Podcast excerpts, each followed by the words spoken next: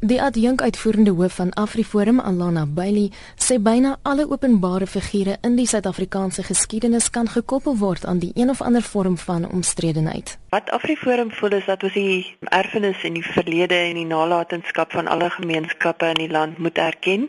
Sy sê dit is belangrik om hierdie figure te respekteer, selfs al stem mens nie noodwendig saam met wat hulle gedoen het nie, omdat dit deel is van die geskiedenis en van die hede. Ons moet wel spore hê van die mense wat 'n invloed gehad het op die Suid-Afrika wat ons vandag het en waarmee ons vandag moet saamleef. En daarom is ons nie ten gunste van die verwydering of die beskadiging veral of vandalisme of selfs die totale vernietiging van standbeelde. Afriforum is van mening dat standbeelde juis die middelpunt van belangrike gesprekke moet wees wie hulle was, wat hulle gedoen het. Hulle beoordeel in hulle eie konteks van hulle eie tyd wat baie verskil van vandag en ook kyk wat ons kan leer uit wat hulle gedoen het, reg en verkeerd. En ons wil graag sien dat daar dan respek is vir hierdie mense en dat hulle erfenis en hulle nalatenskap wat wel positiewe aspekte het, nie ontken word in Suid-Afrika nie. Die FAK se uitvoerende hoof, professor Dani Gosen, sê die federasie het op 'n emosionele vlak simpatie met die studente se gevoelens oor Rhodes se standbeeld.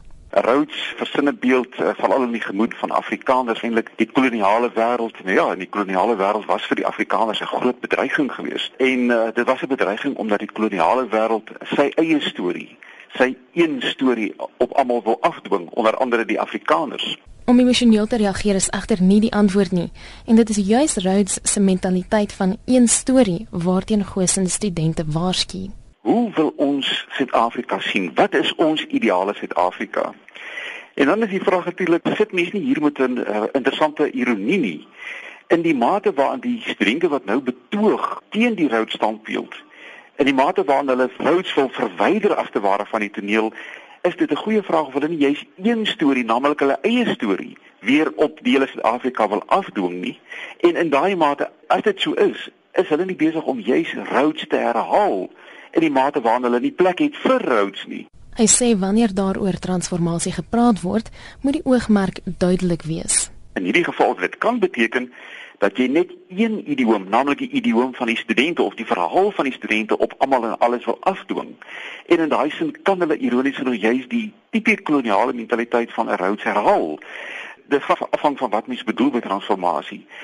Word in en deur transformasie ruimte gegee vir verskillende stories, die verskillende kante van Suid-Afrika of word dan net weer een idioom afgedwing. Bailey sê sou standbeelde verwyder word en name van geboue verander word, dit bloot simbolies is en dat daar op grondvlak 'n daadwerklike poging tot transformasie aangewend moet word. Waar ons regtig dringend ingryping nodig het, is dat mense moet begin respek hê vir mekaar en mekaar se verskille moet erken en daarvoor moet ruimte laat in die land. En ek dink terwyl ons net eenvoudig sekere erfenisse begin van die kaart afvee, gaan dit nie gebeur nie. Dit was Alana Bailey, die adjunk uitvoerende hoof van AfriForum. Ek is Marlene Forsie in Johannesburg.